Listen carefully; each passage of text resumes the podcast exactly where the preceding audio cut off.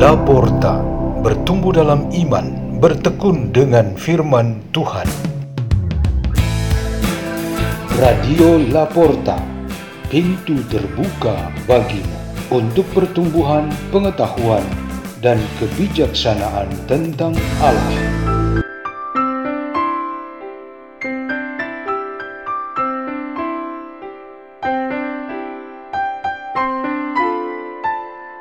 Bacaan dan Renungan Sabda Tuhan Hari Sabtu, Pekan Kedua Prapaskah, 11 Maret 2023. Dibawakan oleh Rosalia Yani Ambar Dewanti dan Tatiana Kanaya Krisantia dari Gereja Santo Ambrosius, Paroki Villa Melatimas, Keuskupan Agung, Jakarta.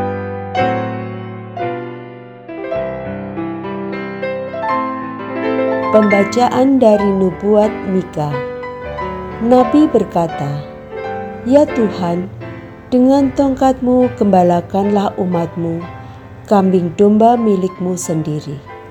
Mereka terpencil mendiami rimba di tengah-tengah kebun buah-buahan. Biarlah mereka merumput di Basan dan di Gilead seperti pada zaman dahulu kala. Perlihatkanlah kepada kami tindakan-tindakan ajaib seperti pada waktu engkau keluar dari Mesir. Adakah Allah lain seperti engkau yang mengampuni dosa-dosa dan memaafkan pelanggaran yang dilakukan oleh sisa-sisa miliknya sendiri, yang tidak murka untuk selama-lamanya, melainkan berkenan kepada kasih setia? Biarlah ia kembali menyayangi kita, menghapuskan kesalahan-kesalahan kita, dan melemparkan segala dosa kita ke dalam tubir-tubir laut. Kiranya Engkau menunjukkan setiamu kepada Yakub dan kasihmu kepada Abraham, sebagaimana telah Kau janjikan dengan sumpah kepada nenek moyang kami sejak zaman purbakala. Demikianlah sabda Tuhan.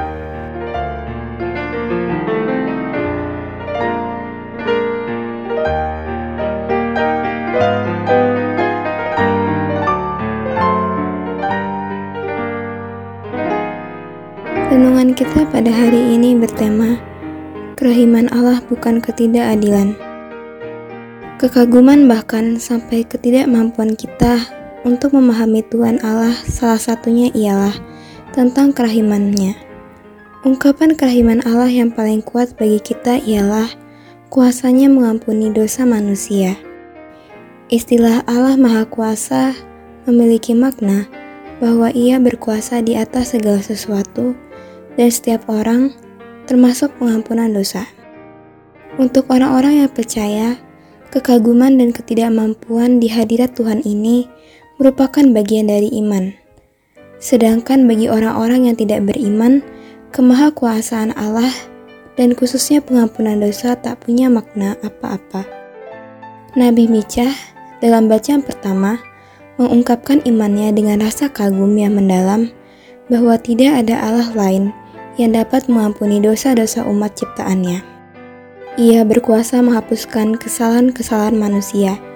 Bahkan, ia melemparkan segala dosa itu ke dalam tubir-tubir laut, ke bagian paling dalam dari semesta ini. Mica punya cerita tentang pengalaman Israel masa lampau, tentang pembebasan dari perbudakan Mesir, dan penyelamatan selama pengembaraan di padang gurun.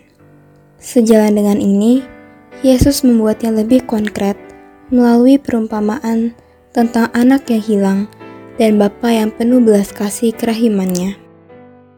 Hukum positif dan keyakinan akan keadilan menetapkan solusi atas suatu perbuatan dosa dengan hukuman yang setimpal dengan perbuatan dosanya. Orang-orang yang tidak percaya dan umumnya yang memakai cara ini berpandangan bahwa orang Israel yang sudah sangat berdosa pantas dihukum berulang-ulang. Anak yang hilang itu mesti mendapat hukuman yang sama besar dengan dosa yang sudah ia lakukan. Orang-orang Farisi dan para ahli Taurat menganggap bahwa orang yang berdosa sudah sangat kotor. Jadi, mereka tidak boleh berinteraksi dengan para pendosa itu. Ini semua berbanding terbalik dengan perbuatan Tuhan. Ia Maha Rahim. Ia justru bergaul dan menyatu dengan mereka.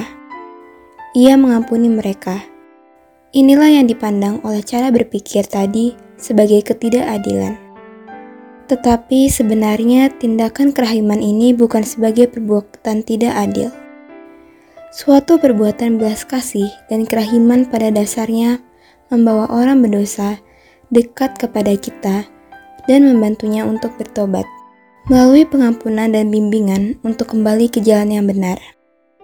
Kehendak Tuhan yang sebenarnya bagi mereka ialah supaya tidak ada satupun dari orang-orang yang beriman hilang dari perhatiannya.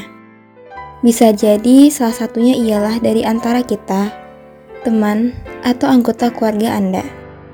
Kalau demikian, di masa ini, Anda dapat bekerja bersama Tuhan, mengembalikan dia dari keadaannya saat ini yang sedang menghilang, baik secara fisik maupun secara rohani. Marilah kita berdoa. Dalam nama Bapa dan Putra dan Roh Kudus. Amin. Tuhan Maha Kuasa, buatlah kami sadar dan rindu bahwa kembali kepadamu adalah yang terbaik. Bapa kami ada di surga, dimuliakanlah namamu. Datanglah kerajaanmu, jadilah kehendakmu, di atas bumi seperti di dalam surga. Berilah kami rezeki pada hari ini, dan ampunilah kesalahan kami, seperti kami pun mengampuni yang bersalah kepada kami. Dan janganlah masukkan kami ke dalam pencobaan, tetapi bebaskanlah kami dari yang jahat. Amin. Dalam nama Bapa dan Putra dan Roh Kudus. Amin. Radio Laporta, pintu terbuka bagimu.